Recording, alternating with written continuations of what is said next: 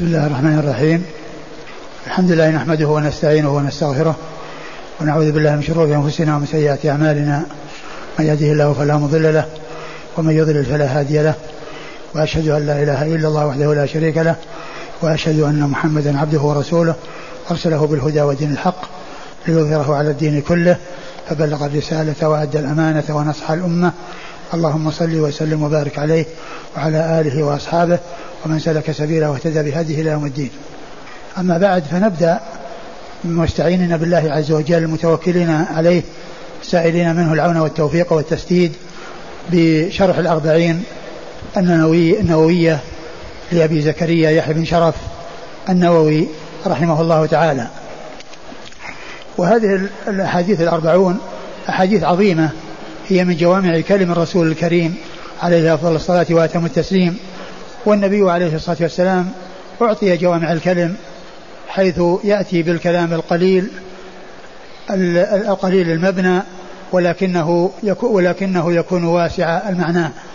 كلام كلمات قليلة ولكن المعاني واسعة فهي قواعد كلية و آه، وقواعد عامة اشتملت عليها تلك الأحاديث التي اختارها الإمام النووي رحمه الله تعالى.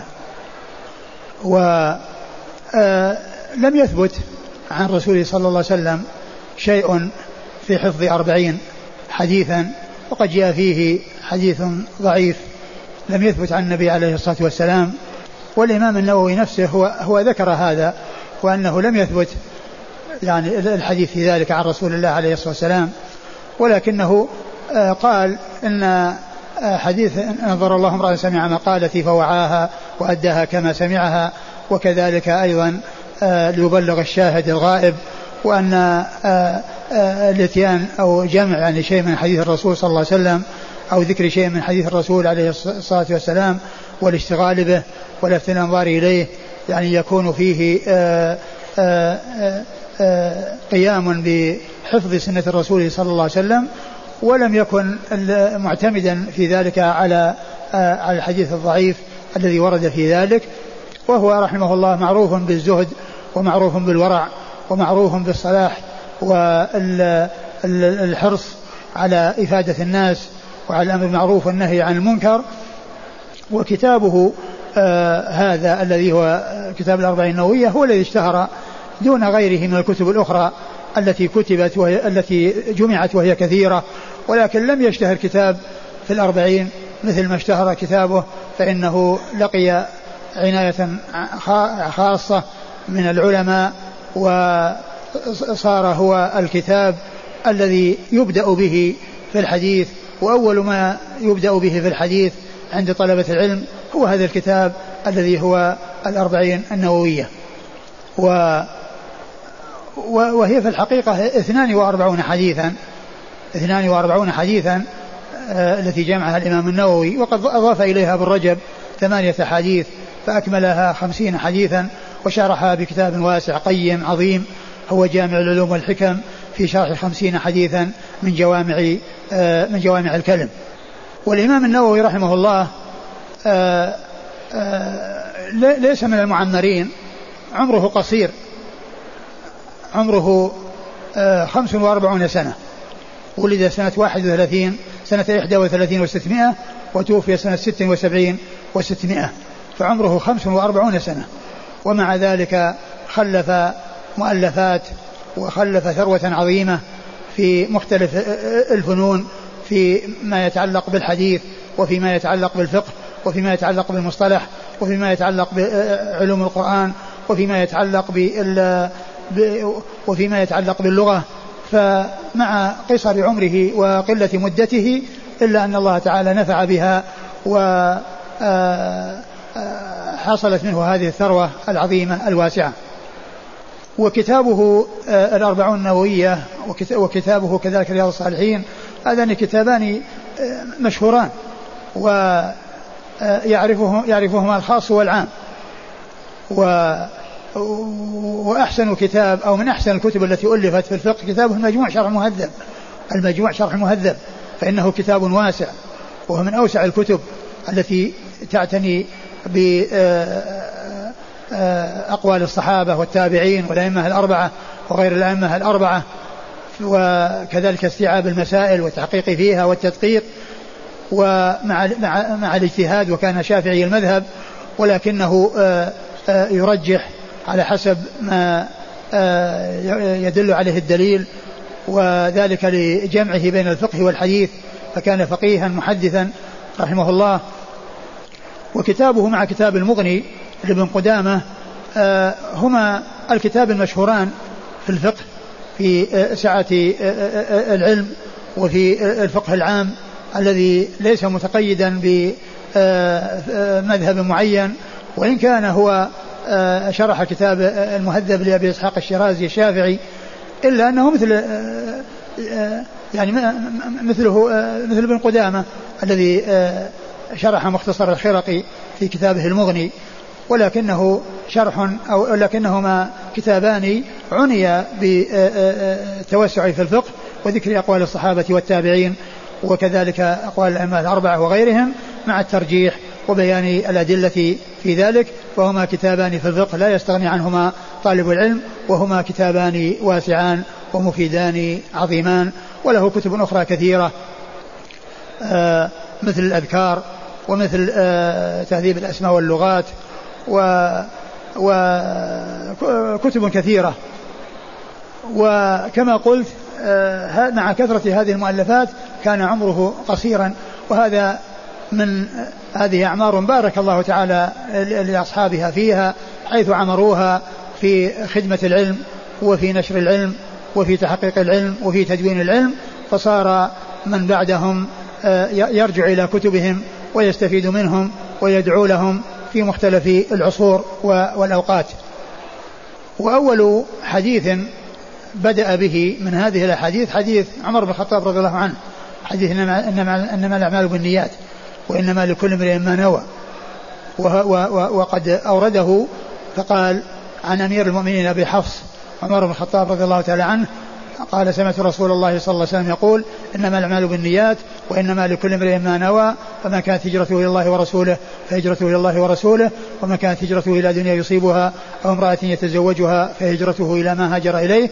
رواه إمام المحدثين أبو عبد الله محمد بن إسماعيل بن إبراهيم بن المغيرة بن بردزبه البخاري وأبو الحسين مسلم بن الحجاج بن مسلم القشيري النيسابوري في صحيحيهما اللذين هما أصح كتب الكتب المصنفة.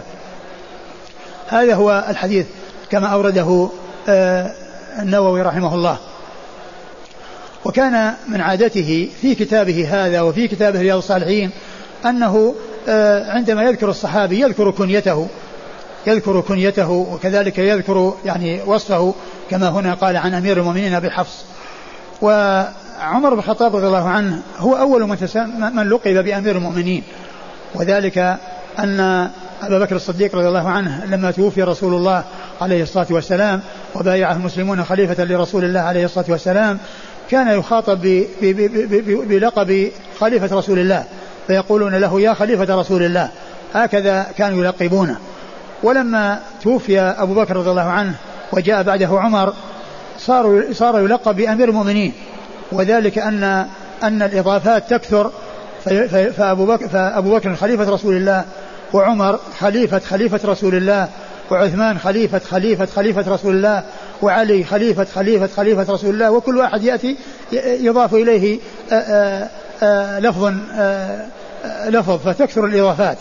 فاستبدلوا ذلك بكلمة أمير المؤمنين التي تطلق على كل على كل أمير يتولى إمرة المؤمنين ويخاطب بهذا الوصف الذي هو الإمرة فيقال يا أمير المؤمنين عندما يخاطبونه يقولون يا أمير المؤمنين. وأبو حفص كنيته وليس له ولد اسمه حفص ولكنه اشتهر بهذه الكنية. ولعلها كانت له أو حصلت له في يعني قبل أن يولد له فلزمته واستمرت معه. وإلا فإنه ليس له ولد يقال له حفص كما أن أبا بكر رضي الله عنه كذلك ليس له ولد يقال له بكر. ليس له ولد يقال له بكر ولكنه اشتهر بهذه الكنية أبو بكر. وعمر اشتهر بكنية أبو حفص. وليس وليس لكل من من هذين الخليفتين الراشدين ولد يسمى بكر بالنسبة لأبي بكر وحفص بالنسبة لعمر رضي الله تعالى عن عن الصحابة أجمعين. ومثل ذلك خالد بن الوليد فإنه يكن بأبي سليمان. وليس له ولد اسمه سليمان. وكما قلت لعل التسمية لعل التكنية هذه حصلت في أول الأمر واستمرت وغلبت وجاء الأولاد بعد ذلك فغلبت. كما أن بعض الأشخاص الذين لم يتزوجوا ولم يولد لهم يحصل تكنيهم ويقال لهم ويذكرون بكناهم. مثل أبو أحمد أبو العباس بن تيمية فإن كنية أبو العباس وهو لم يتزوج وليس له أولاد. ومثل النووي وهو أبو زكريا وهو ليس لم يتزوج وليس له أولاد وكذلك غيرهم فلعل ما حصل لأمير المؤمنين بحفص هو من هذا القبيل أن الكنية وجدت في الأول واستمرت ثم جاء الأولاد فلم فلم تعلق الكنية بهم وإنما علقت بالكنية التي حصلت في الأول. وعمر بن الخطاب رضي الله عنه هو أمير المؤمنين وثاني الخلفاء الراشدين الهاديين المهديين صاحب المناقب الجمة والفضائل الكثيرة رضي الله تعالى عنه وأرضاه. وأما الذي خرج الحديث فقد خرجه جماعة كثيرون وفي مقدمتهم أصحاب الكتب الستة البخاري ومسلم وأبو داود والترمذي والنسائي وابن ماجه هؤلاء الأئمة الستة الذين هم أصحاب الكتب الستة كلهم خرجوا هذا الحديث كلهم خرجوا هذا الحديث. بل إن المعلق على جامع العلوم والحكم هو الشيخ شعيب الأرناؤوط آه، ذكر تخريجه وجعل الذين خرجوه من الأئمة تسعة عشر. يعني آه، آه، عزى تخريجه إلى تسعة عشر. وفي مقدمتهم هؤلاء الستة الذين هم أصحاب الكتب الستة. و و في مقدمة الذين خرجوه البخاري ومسلم في صحيحيهما اللذين هما أصح الكتب المصنفة. والإمام النووي رحمه الله لما ذكر الحديث عازيا إليهما ذكر ذكر ذلك في أول أمر فقال رواه إمام المحدثين أبو عبد الله محمد بن إسماعيل بن إبراهيم بن المغيرة بن بردزبة البخاري الجعفي ونسبته إلى الجعفي نسبة ولاء ونسبة الولاء تكون أحيانا بالعتق وسواء يكون الولاء من أول من أعلى ومن أسفل وتكون أيضا بسبب الإسلام. ونسبة البخاري إلى الجعفيين نسبة آه، ولاء بالنسبة للإسلام لأن أحد أجداده آه، دخل في الإسلام على يد رجل من الجعفيين ولهذا يقولون في ترجمته الجعفي مولاهم الجعفي مولاهم. وأما مسلم ابن الحجاج القشيري النيسابوري فهو قشيري ولكنه من, من, من, من منهم نسبة أصل وليست نسبة ولاء. ولهذا يقولون عنده من أنفسهم القشيري من أنفسهم. فإذا كان فإذا كان ال ال ال الشخص ينسب نسبة ولاء قالوا مولاهم. عندما يذكر آه، النسبة التي آه، ينتسب آه، ينسب إليها يقولون مولاهم إذا كانت ولاء. وإذا كان من وإذا كانت ليست ولاء وإنما هو أصل أتوا بكلمة من أنفسهم. يعني أنه ينتسب إليهم نسبة أصل وليست نسبة ولاء. فمسلم الحجاج من بني قشير. وأما البخاري فنسبته إلى الجعفيين نسبة ولاء وليست نسبة أصل. وهذا الحديث آه، هو من أفراد الصحيح صحيح البخاري حيث أنه جاء من طريق واحد فهو فرد مطلق رواه عمر بن الخطاب رضي الله عنه عن رسول الله عليه الصلاة والسلام. ولم يروه عن عمر إلا علقمة بن وقاص الليثي ولم يروه عن علقمة بن وقاص الليثي إلا محمد بن إبراهيم التيمي ولم يروه عن محمد بن إبراهيم التيمي إلا يحيى بن سعيد الأنصاري. ثم إنه كثر الآخذون والراوون له عن يحيى بن سعيد حتى قيل أنهم الذين رووه يبلغون السبعين وقيل إنهم يبلغون مئتين وقيل أكثر من ذلك ولكنه إلى يحيى بن سعيد هو فرد. تفرد به عمر ثم عن عمر علقمة ثم عن علقمة محمد إبراهيم ثم عن محمد إبراهيم يحيى بن سعيد. وهو من أفراد الصحيح ومن غرائب الصحيح. ومثله الحديث الذي ختم به البخاري صحيحا حديث أبي هريرة. كلمتان حبيبتان للرحمن خفيفتان على اللسان ثقيلتان في الميزان. سبحان الله وبحمده سبحان الله العظيم. فإنه أيضا فرد مطلق لأنه رواه أبو هريرة لم يروه عن رسول الله عليه الصلاة والسلام إلا أبو هريرة ولم يروه عن أبي هريرة إلا آه إلا, إلا أبي زرعة بن عمرو بن جرير ولم يروه عن أبي, أبي, أبي زرعة إلا عمارة بن القعقاع ولم يروه عن عمارة بن القعقاع إلا محمد بن فضيل بن غزوان ثم بعد ذلك انتشر وكثر الآخذون والراوون له عن محمد بن فضيل بن غزوان. ففاتحة صحيح البخاري وخاتمته حديثان من غرائب الصحيح لم يأتيا إلا من طريق واحد. و وقد قال وقد قال الترمذي عندما خرج حديث آه الحديث الأخير هذا الذي هو آه كلمتان حبيبتان الرحمن قال حديث حسن غريب صحيح حسن غريب صحيح. يعني غريب لأنه جاء من طريق واحد غريب لأنه جاء من طريق واحد. وهناك أحاديث أخرى هي من هذا القبيل والبخاري رحمه الله افتتح كتابه بغريب بحديث غريب واختتمه بحديث غريب. وقد آه والإمام النووي رحمه الله بدأ الأربعين بحديث إنما الأعمال بالنيات. بحديث إنما الأعمال بالنيات إشارة إلى تصحيح النية وأن الإنسان عندما يعمل عملا يستحضر الإخلاص ويستحضر حسن القصد وأن وأنه يفعل ذلك ابتغاء وجه الله وابتغاء مرضات الله وأنه يفعل ذلك لله ومن أجل الله سبحانه وتعالى. فقد بدأ الأربعين بحديث إنما الأعمال بالنيات وثنى بحديث بحديث عمر حديث جبريل. فأول حديث فبدأ بأول حديث في البخاري وثنى بأول حديث في صحيح مسلم. لأن حديث عمر آه، الذي هو حديث جبريل هو أول حديث في صحيح مسلم في كتاب الإيمان. وأول حديث في صحيح البخاري حديث إنما الأعمال بالنيات. فإن الإمام النووي رحمه الله يكون بعمله هذا ابتدأ بأول حديث في صحيح البخاري وثنى بأول حديث في صحيح مسلم. وسبقه إلى هذا الإمام البغوي في كتابه شرح السنة وفي كتابه مصابيح السنة. فإنه بدأه بأول بدأ كل من الكتابين بحديث إنما بالنيات وثنى بحديث جبريل آه، آه، آه، في تعليم الدين. فالإمام البغوي بدأ كتابيه بهذين الحديثين أول حديث في البخاري ثم أول حديث في مسلم وكذلك الإمام النووي بدأ كتابه رياض الصالح الأربعين بحديث جبريل ثم حديث ثم حديث عمر في تعليم جبريل الدين.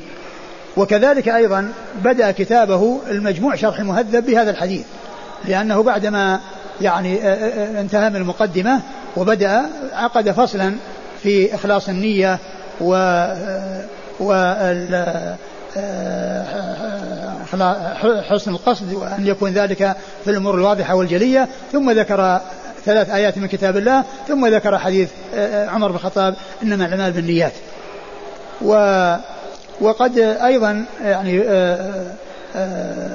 فعل ذلك أيضا بعض المؤلفين حيث بدأوا بما بدأ به البخاري صحيحا. ومنهم السيوطي فإنه بدأ كتابه الجامع الصغير بحديث إنما, إنما الأعمال بالنيات.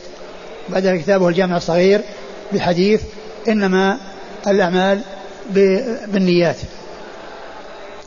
وكذلك عبد الغني المقدسي في كتاب في كتاب عمدة الأحكام فإنه بدأ حديثه بدأ كتابه بحديث إنما الأعمال بالنيات. وكل هذا منهم آه، إشارة إلى يعني هذه إلى إلى, إلى هذا الغرض النبيل الذي هو حسن القصد والبدء يعني آه، بشيء يذكر الإنسان وهو يعمل هذا العمل وهو يفتتح هذا العمل إلى ضرورة الإخلاص وإلى آه، حسن النية وأن الإنسان يريد بذلك وجه الله عز وجل ويريد التقرب إليه سبحانه وتعالى. ثم إن هذا الحديث ذكر بعض أهل العلم أنه من الأحاديث التي يدور عليها الدين. فمن العلماء من قال إن الحديث يدور على حديثين. الدين يدور على حديثين. حديث إنما المال بالنيات وحديث من أحدث في أمرنا ما ليس منه فرد ومنهم من قال إنه يدور على ثلاثة. وأضاف إلى ذلك حديث نعمان بشير. الحلال بين والحرام بين. وبينهما أمور مشتبهات لا يعلمهن كثير من الناس. وبعضهم قال إنها أربعة. ويعني وبعد ذلك اختلفوا. فمنهم من جعل الرابع حديث الدين النصيحة ومنهم من جعله حديث يجمع آه، خلق أحدكم في بطن أمه أربعين أربعين يوم نطفة ومنهم من قال خمسة والأحاديث التي آه، وردت يعني في ذلك بعد حديث إنما الأعمال بالنيات وحديث من أحسن من من من, من أحدث في أمرنا ما ليس منه فرد منها الأحاديث التي أشرت إليها ومنها حديث آه إذا أمرتكم بأمر فأتوا منه ما استطعتم وإذا نهيتكم عن شيء فاجتنبوه. ومنها حديث آه دع ما يريبك إلى ما لا يريبك. ومنها منها حديث آه من حسن إسلام المرء ترك ما لا يعنيه. ومنها حديث لا يحب أحدكم حتى لا يؤمن أحدكم حتى يحب لأخيه ما يحب لنفسه. وكل هذه الأحاديث التي ذكر آه, الحافظ بن رجب آثارا عن عن عن السلف يعني في ذلك تشتمل على ذكر هذه الأحاديث. كل هذه الأحاديث في الأربعين النووية. كل هذه الأحاديث من جملة الأحاديث التي اشتملت عليها الأربعين النووية وهي من أحاديث آه، الجوامع من حديث من جوامع كلمه صلوات الله وسلامه وبركاته عليه. وحديث إنما الأعمال بالنيات قوله صلى الله عليه وسلم إنما الأعمال بالنيات هذا قصر وحصر وإنما هي يعني تأتي لهذا الغرض وكذلك كون المبتدأ والخبر يأتي محلا بالألف واللام هو من هذا القبيل. مثل الدين النصيحة مثل الحج عرفة مثل الأعمال بالنيات وقد جاء في بعض الروايات بدون إنما بلفظ الأعمال بالنيات. وكل منهما يفيد الحصر والقصر. والأعمال هي مطلقة يعني الألف واللام للاستغراق. فقيل إن المقصود من ذلك الأعمال التي هي قربة. الأعمال التي هي قرب يعني لا, لا تعتبر إلا بنياتها. ولا يعول عليها إلا بنياتها. وكل عمل لا بد فيه من نية. وإذا خلا من النية فإنه لا عبرة به. فإنه لا عبرة به. إذا خلا من النية. فلا بد من النية في الأعمال. وهي تأتي لتمييز العبادات بعضها عن بعض ولتمييز العبادات عن العادات. ولتمييز العادات عن العبادات عن العادات. والأعمال قيل أن المقصود بها خصوص ما, هي ما الأعمال التي يتقرب بها إلى الله عز وجل فإنها لا تعتبر إلا بنياتها. ومنهم من قال إن المقصود بذلك كل عمل سواء كان يعني من من من, من الأمور التي هي قرب أو من الأمور التي هي عادات. ولكن الإنسان إذا آآ آآ إذا آآ إذا أحضر النية وحسن قصده يعني في ذلك فإن الله تعالى يثيبه على ذلك على على حسب نيته. وعلى نيته. وقد ورد في هذا حديث ضعيف. نية المؤمن خير من عمله. نية المؤمن خير من عمله ولكنه لا يصح عن رسول الله صلى الله عليه وسلم. فمنهم من قال إن المقصود به العموم ويدخل في ذلك القرب وغير القرب. وأن غير القرب التي هي من الأمور التي آآ آآ آآ يفعلها الناس يعني آه، آه، كالأكل والشرب والنوم وكذلك الجماع وما إلى ذلك. الإنسان إذا حسن قصده فيها فإن الله تعالى يأجره كما جاء في الحديث وفي بضع أحدكم صدقة هو من حديث الأربعين النووية. قال ويأتي أحدنا شهوته يا رسول الله ويكون له فيها أجر؟ قال أرأيتم لو وضعها في حرام كان عليه وزر؟ قالوا نعم. قال فكذلك إذا وضعها في, في إذا وضعها في حلال كان له أجر.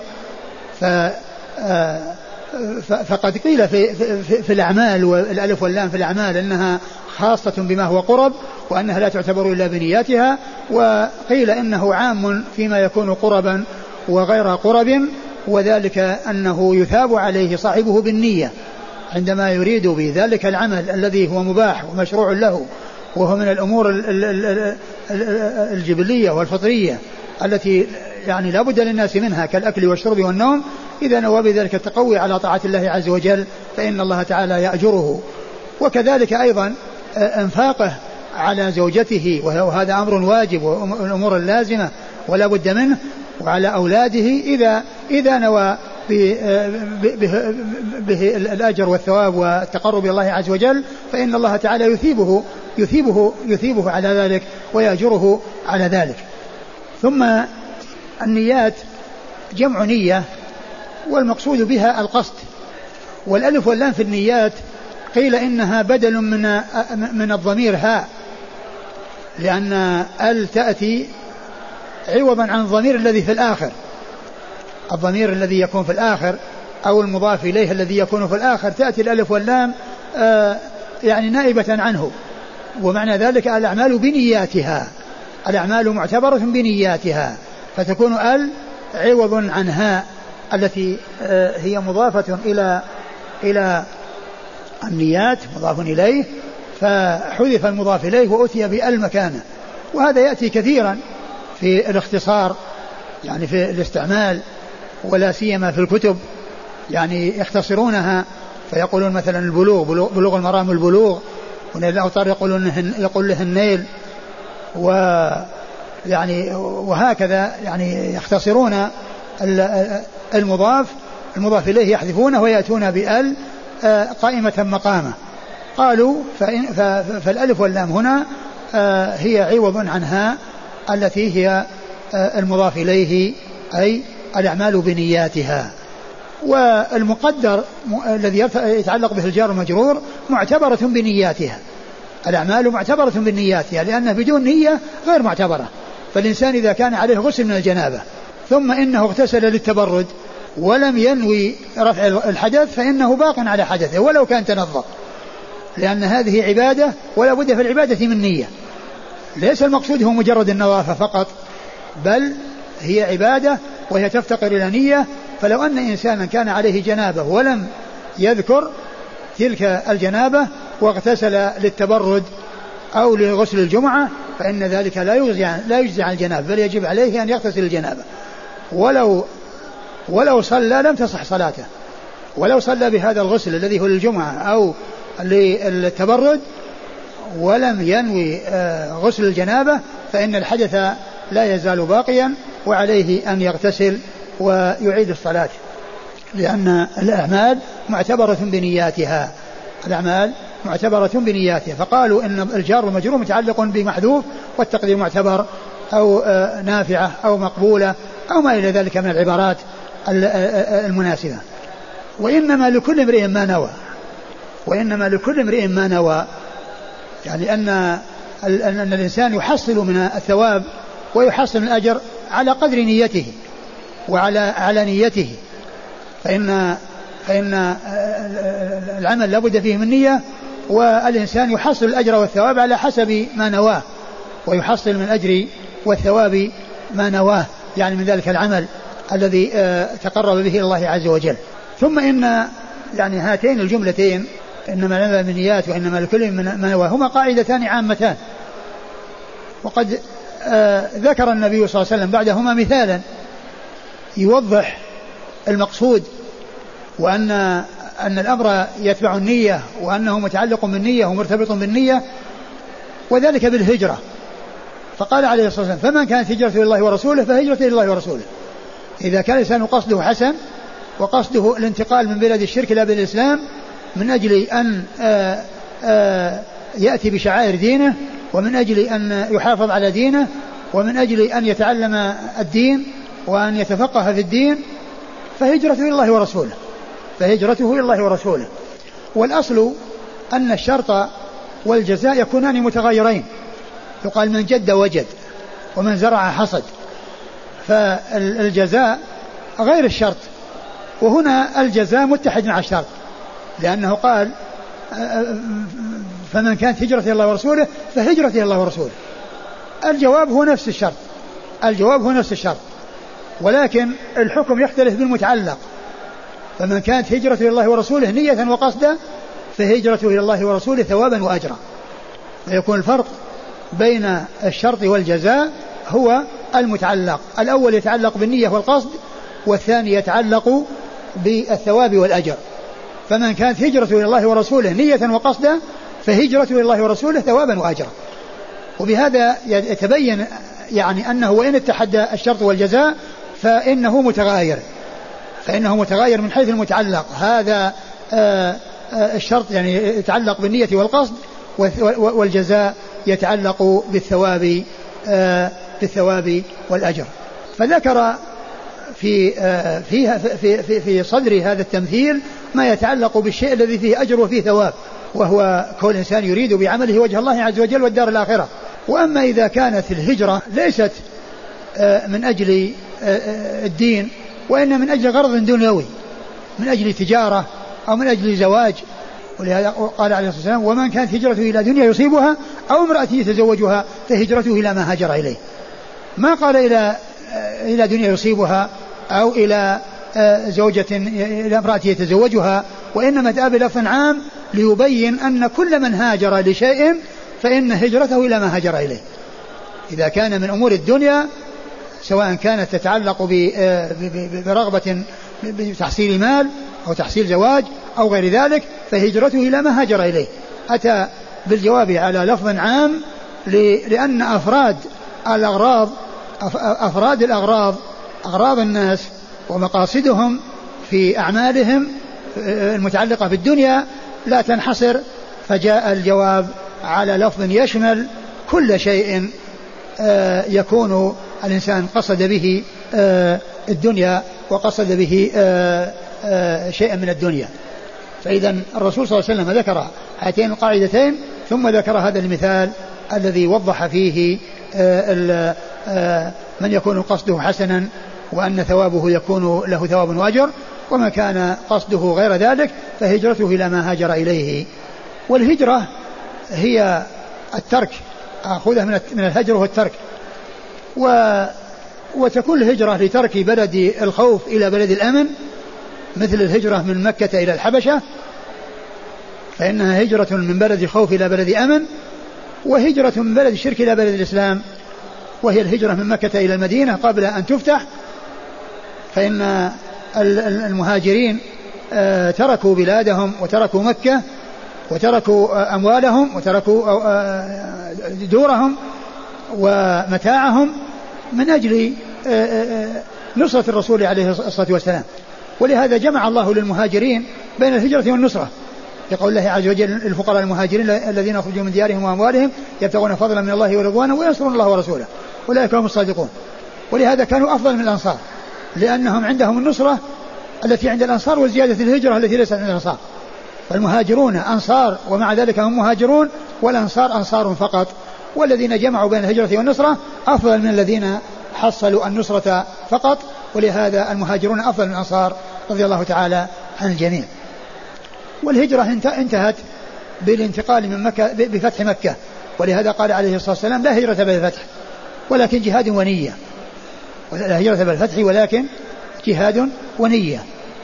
وأما الهجرة من بلد الشرك إلى بلد الإسلام فهي باقية ومستمرة إلى قيام الساعة.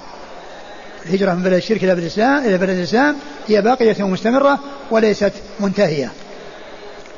وقد كتبت يعني على هذا الحديث بعض الفوائد نقلا عن الحافظ بن حجر عن عن ابن رجب الحافظ بن رجب رحمه الله يعني آه، كثيرا من هذه الفوائد ونسمع آه، ما كتبنا في ذلك. مما مما يكون قد فاتني آه، ذكره أثناء هذا الشرح. بسم الله الرحمن الرحيم. الحمد لله رب العالمين والصلاة والسلام على عبد الله ورسوله نبينا محمد وعلى آله وصحبه أجمعين. أما بعد الحديث الأول إنما الأعمال بالنيات. أولا أخرجه البخاري ومسلم وأصحاب السنن وغيرهم. وقد تفرد بروايته عن عمر علقمة بن وقاص الليثي وتفرد به عن محمد بن إبراهيم وتفرد به عنه محمد بن إبراهيم التيمي وتفرد عنه يحيى بن سعيد الأنصاري ثم كثر الآخذون عنه. فهو من غرائب صحيح البخاري وهو فاتحته ومثله في ذلك خاتمته. وهو حديث أبي هريرة رضي الله عنه كلمتان حبيبتان إلى الرحمن الحديث. وهو أيضا من غرائب الصحيح. ثانيا افتتح النووي أحاديث الأربعين بهذا الحديث وقد افتتح جماعة من أهل العلم كتبهم به. منهم الإمام البخاري افتتح صحيحه به وعبد الغني المقدسي افتتح كتابه عمدة الأحكام به والبغوي افتتح كتابيه مصابيح السنة وشرح السنة به وافتتح السيوطي كتابه الجامع الصغير به.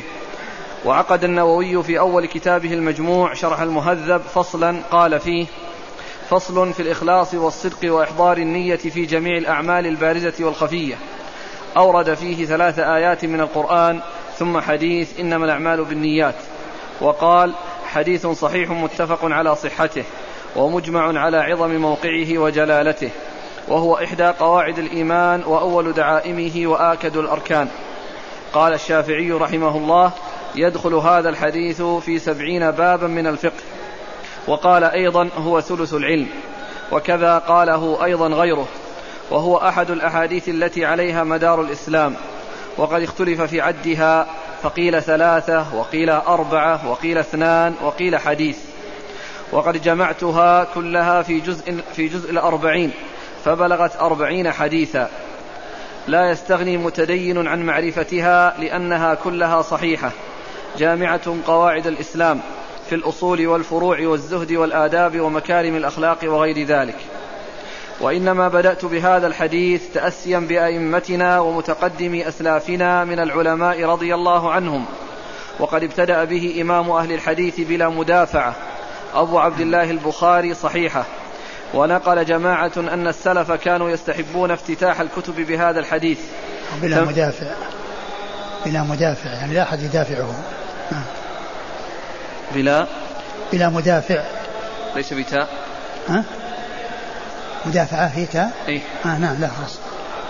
نعم شو مدافع. نعم. ونقل مدافعة نعم.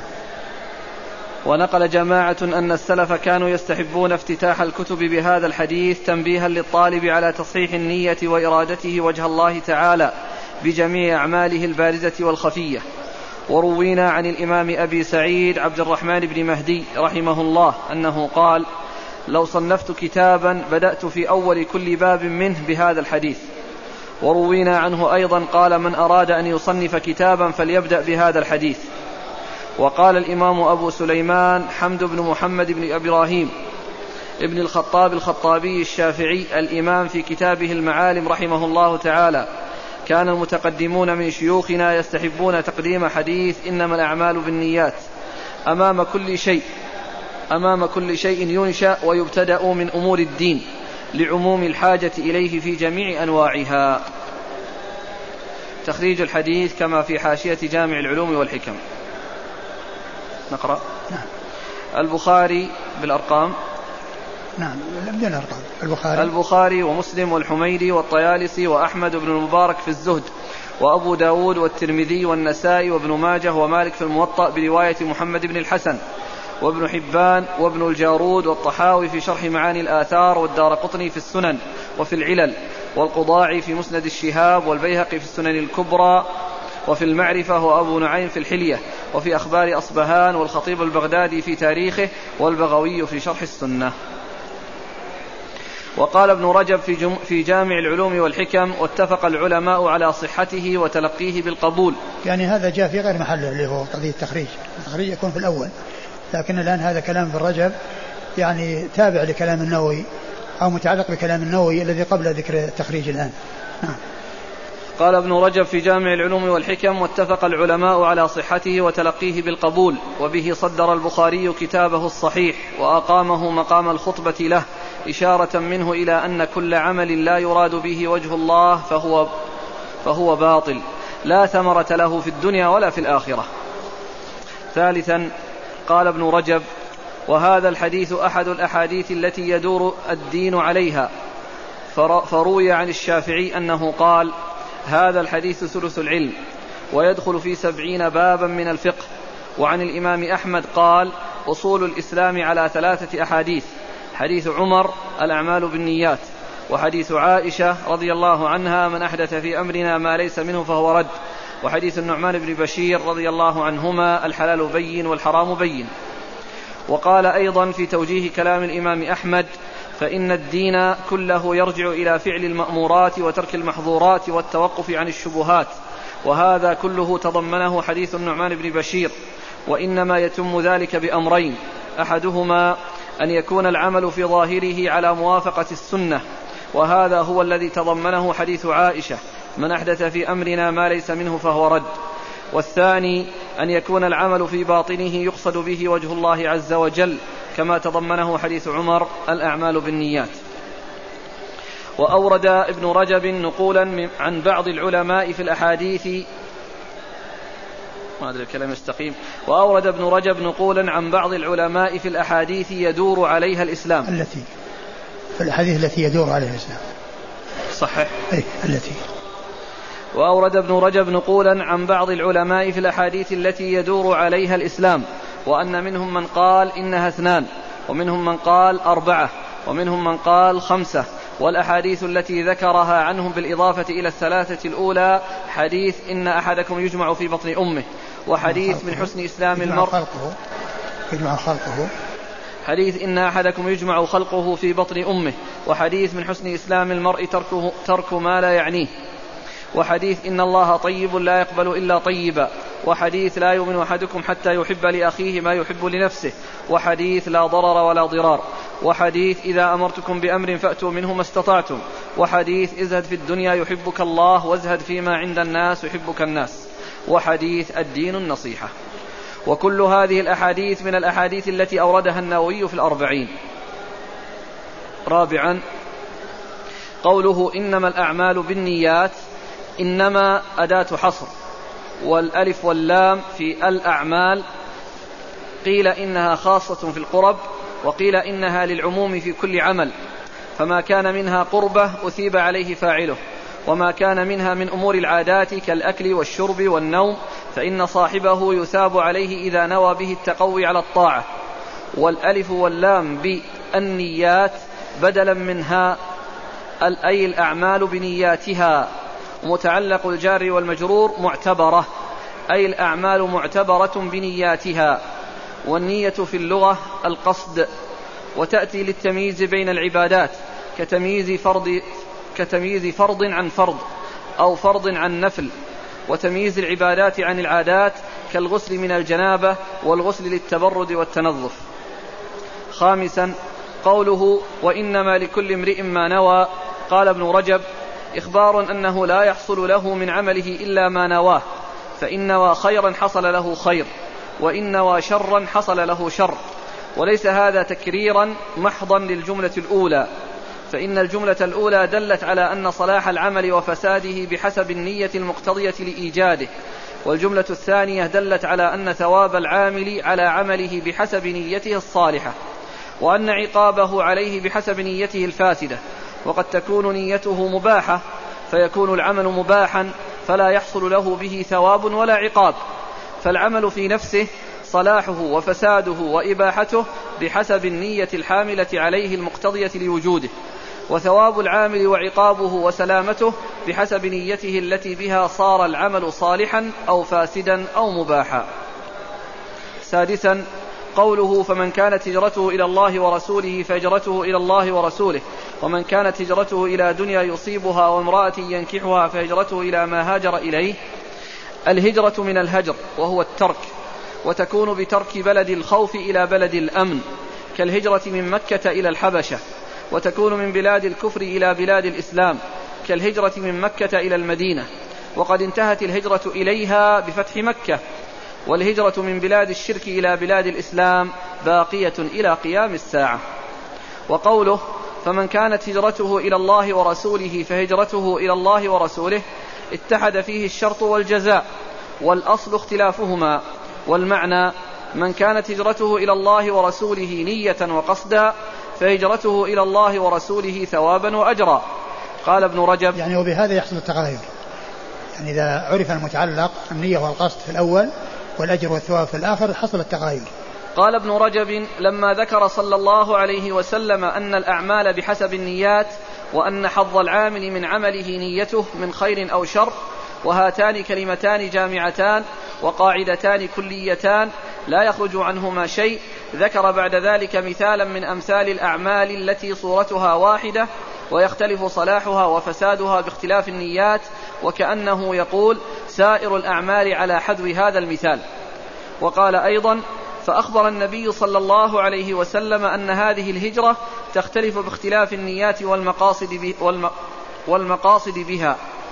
فمن هاجر إلى دار الإسلام حبا لله ورسوله ورغبة في, في تعلم دين الإسلام وإظهار دينه يجز عنه في دار الشرك فهذا هو المهاجر إلى الله ورسوله حقا. وكفاه شرفا وفخرا أنه حصل له ما نواه من هجرته أنه حصل له ما نواه من هجرته إلى الله ورسوله. ولهذا المعنى اقتصر في جواب هذا الشرط على إعادته بلفظه لأن حصول ما نواه بهجرته نهاية المطلوب في الدنيا والآخرة. ومن كانت هجرته من دار الشرك إلى دار الإسلام لطلب دنيا يصيبها لطلب دنيا يصيبها أو امرأة ينكحها في دار الإسلام فهجرته إلى ما هاجر إليه من ذلك. فالأول تاجر والثاني خاطب. وليس واحد منهما بمهاجر.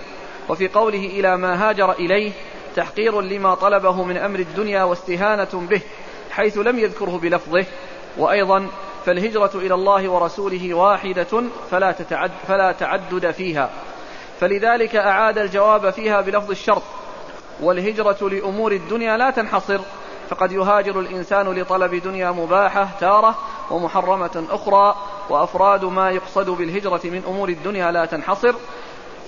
فلذلك قال فهجرته إلى ما هاجر إليه يعني كائنا ما كان. انتهى. نعم. هذا هو آخر ما كتبنا حول انتهى نعم. هذا هو آخر ما كتبنا حول هذا الحديث. مقدمة النووي. نعم. مع الكتاب إي نعم لو نقرأها حتى. نعم. قال الإمام النووي رحمه الله تعالى بسم الله الرحمن الرحيم.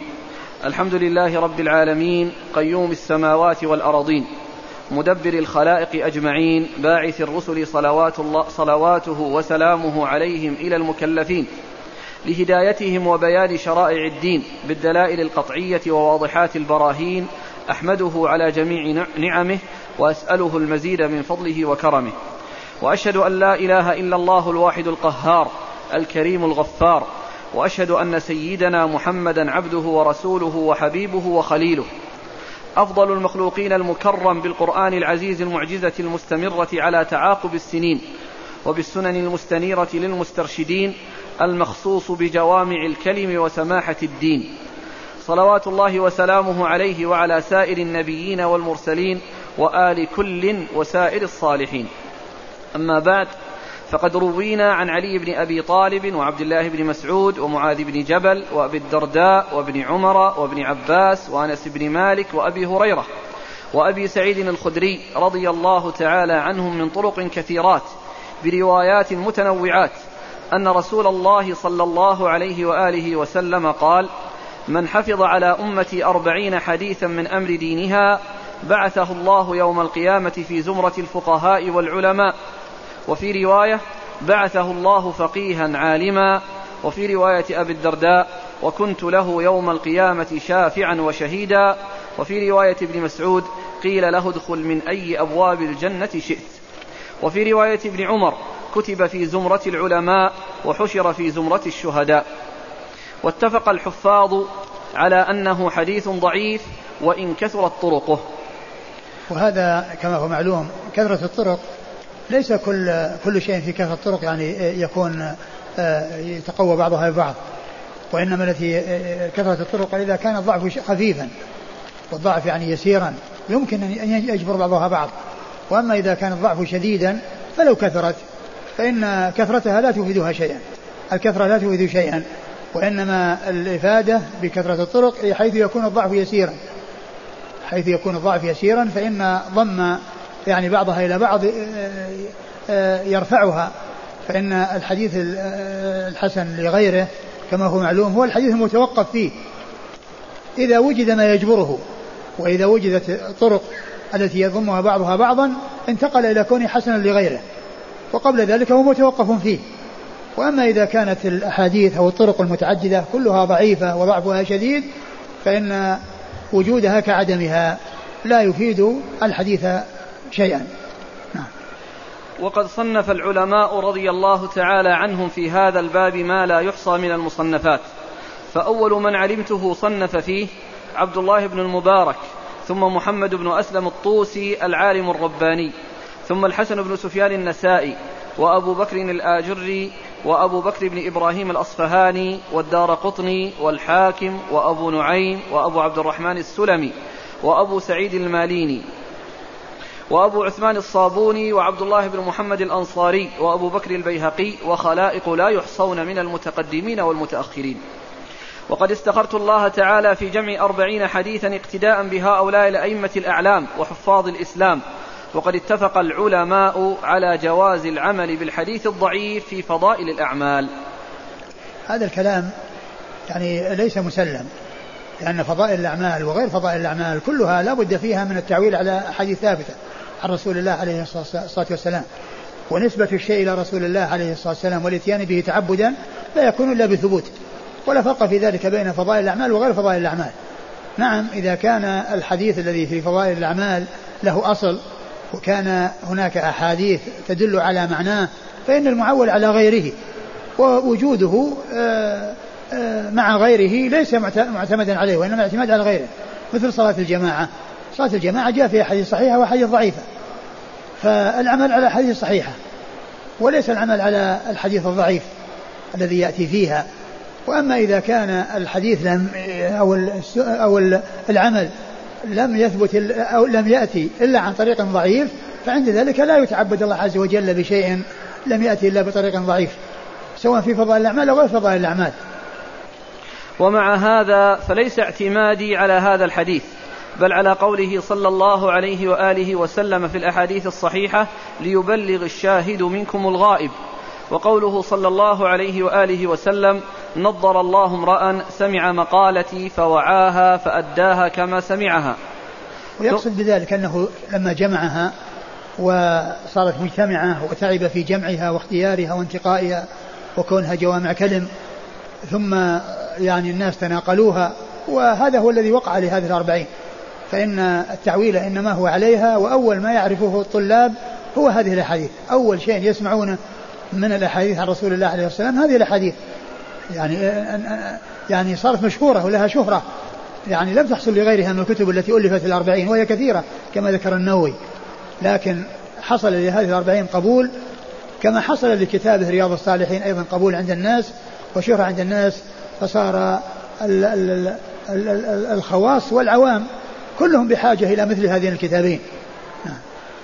ثم من العلماء من جمع الأربعين في أصول الدين وبعضهم في الفروع وبعضهم في الجهاد وبعضهم في الزهد. يعني من الناس من حصرها في موضوع معين. منهم من جعلها في أصول الدين في العقيدة ومنهم من جعلها في الجهاد كلها حديث الجهاد. ومنهم من جعلها في الفروع يعني في مسائل فقهية.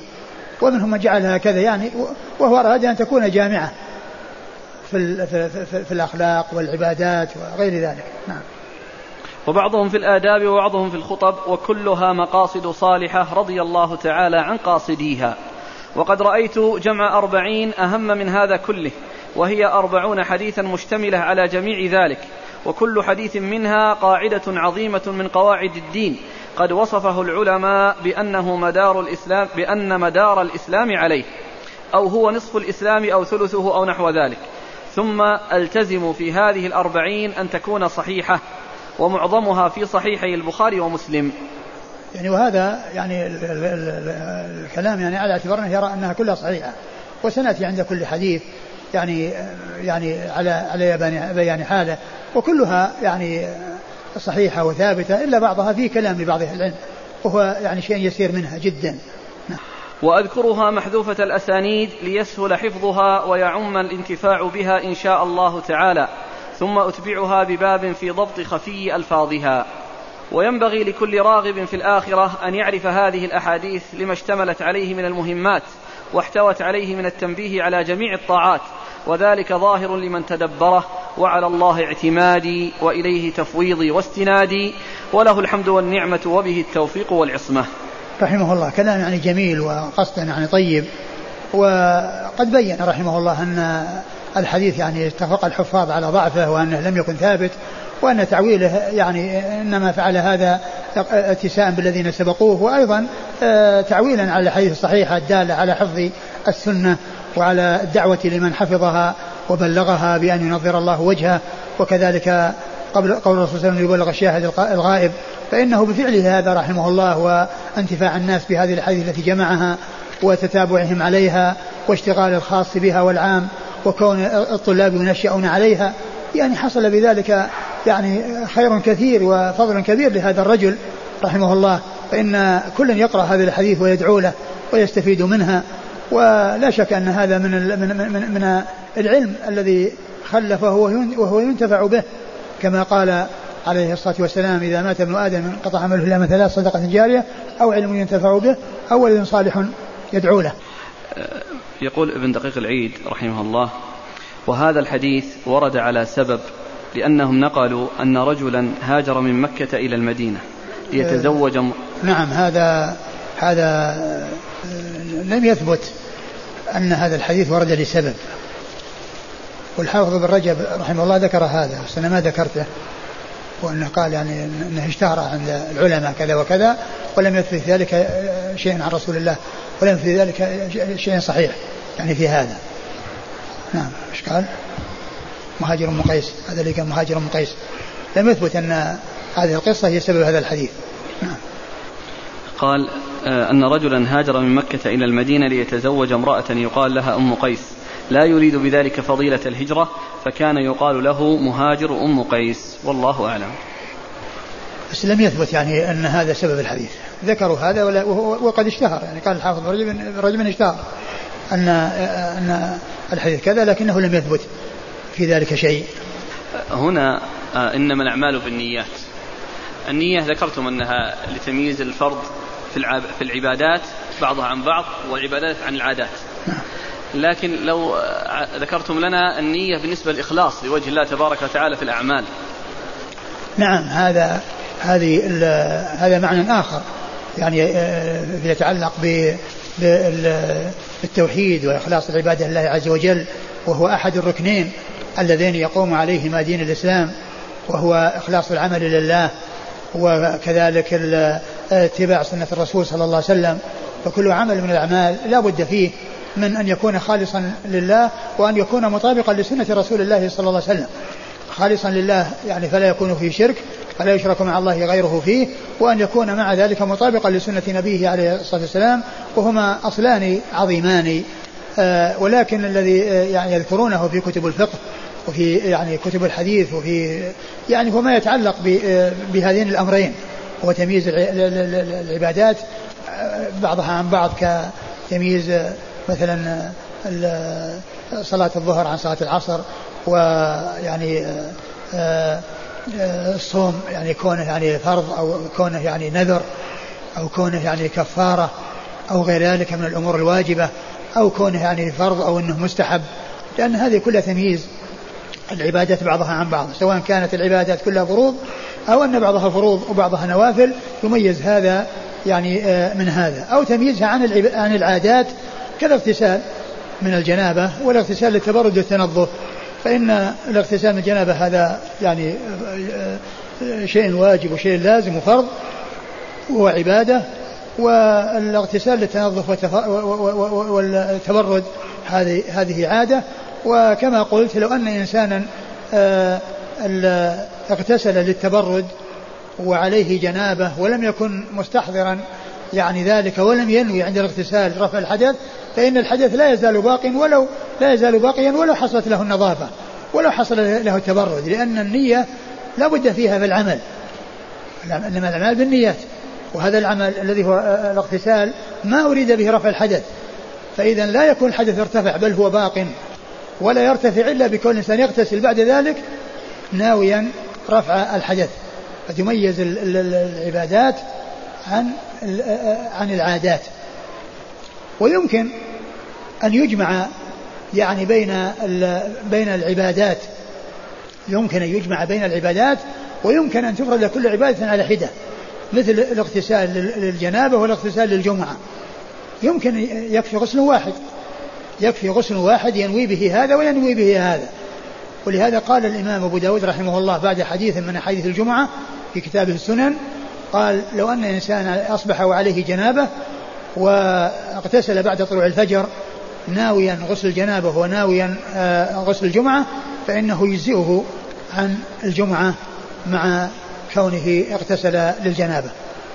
يقول فضيلة الشيخ غفر الله لنا ولكم ذكر في الحديث ما من مسلم يغرس غرسا أو يزرع زرعا فأكل منه الطير أو الدواب أو الإنس إلا كان له صدقة. فهذا الحديث لم يتعلق به نية. ومعلوم أن من زرع زرعا لا ينوي ليأكل منه الطير والدواب. معلوم أن معلوم أن ال أن ال آه، كل ما يخرج من الإنسان كل ما يخرج من الإنسان وينفع غيره فإنه يعود عليه يعود عليه بالفائدة. مثل مثل النفقة يعني يكون الإنسان أدى, أدى ما عليه ولو لم ينوي. ولكن نعم نعم من ناحية الأجر من ناحية الأجر يعني ما يكون إلا إلا بالنية. ولكن كون الإنسان يعني يغرس هذا الغرس وهو يعني في نيته أنه يستفيد ويفيد فكل من يستفيد سواء كان مقصودا أو غير مقصود سواء كان أريد أن يصل إليه ككونه يعطي الفقراء والمساكين أو يأتي حيوانات وتأكل فإنه المتسبب في وجود ذلك والعامل على حصول ذلك فإنه يحصل الأجر على ذلك. كيف نجمع بين الحديث فمن كانت هجرته إلى الله وبين قصة أبي طلحة رضي الله عنه حين دخل في الإسلام بسبب أم سليم؟ لا تريد أن تتزوجه إلا إذا أسلم. آه نعم يعني كما هو معلوم هذا هذا آه، آه، ذاك انتقال من كفر إلى إسلام. ولا شك أن أن أن أنهم آه آه أنهم يعني كانوا يعني منهم من يدخل يعني في الإسلام رغبة في الدنيا ثم لا يمسي إلا والدنيا والدين أحب إليه من الدنيا وما فيها. يعني كما جاء في بعض الأحاديث الصحيحة في ذلك عن بعض أصحاب الرسول صلى الله عليه وسلم. فإذا هذا دخول في الإسلام. ومعلوم الإنسان إذا دخل يعني في الإسلام وخرج من الكفر إلى إلى الإسلام لا شك أنه آه، حصل له آه، السلامة من الكفر ودخل في الإسلام ولو كان دخله من أجل غرض ولو كان دخله من أجل غرض ثم هذا الغرض الذي دخل من أجله لا يعني يلبث يعني يسيرا إلا والإسلام خير له من من الدنيا وما فيها. فإذا فرق بين آه، دخول في الإسلام من أجل غرض ثم آه، آه، هذا الغرض كان فيه إنقاذه وسلامته من من النار والخلود فيها أبد الآباد ثم هذا الدخول لا يلبث يسيرا إلا والدنيا والدين والإسلام خير له من الدنيا وما فيها. وهذا بخلاف الإنسان الذي هو مسلم ولكنه عمل عملا يعني صالحا ما أراد به تلك القربة وإنما أراد به الدنيا يقول فضيلة الشيخ إذا نوى الإنسان بحفظ الأربعين المشاركة في إحدى المسابقات ليشتري بالجائزة كتب يستعين بها على طلب العلم فهل تصلح هذه النية؟ هذا كما هو معلوم لكل امرئ ما نوى أقول هذا يدخل لكل امرئ ويدخل تحت قوله من آه من كذا لكنه لا شك أنه كونه يعني حفظها ويعني قد يكون حفظه لها واستذكاره لها ومرور تلك المعاني على على نفسه وعلى يعني قلبه يكون ذلك سببا لكونه يستفيد ويؤثر ذلك فيه وأما إذا كان يريد الدنيا فقط فإنه لا يحصل إلا الدنيا. ما قصد الإمام البخاري بابتدائه بحديث غريب وختمه بحديث غريب؟ ما أدري الله تعالى أعلم يعني آه، الحديث الذي ورد بدا الإسلام غريبا وسيعود غريبا كما بدأ فطوبى للغرباء لا أدري هل هذا هذا المعنى موجود عنده أو أنه ملاحظ هذا المعنى أو أنه آآ آه، آآ آه، يعني له غرض آخر لا أعرفه لا ندري. جزاكم الله خيرا وبارك الله فيكم ونفعنا الله بما قلتم.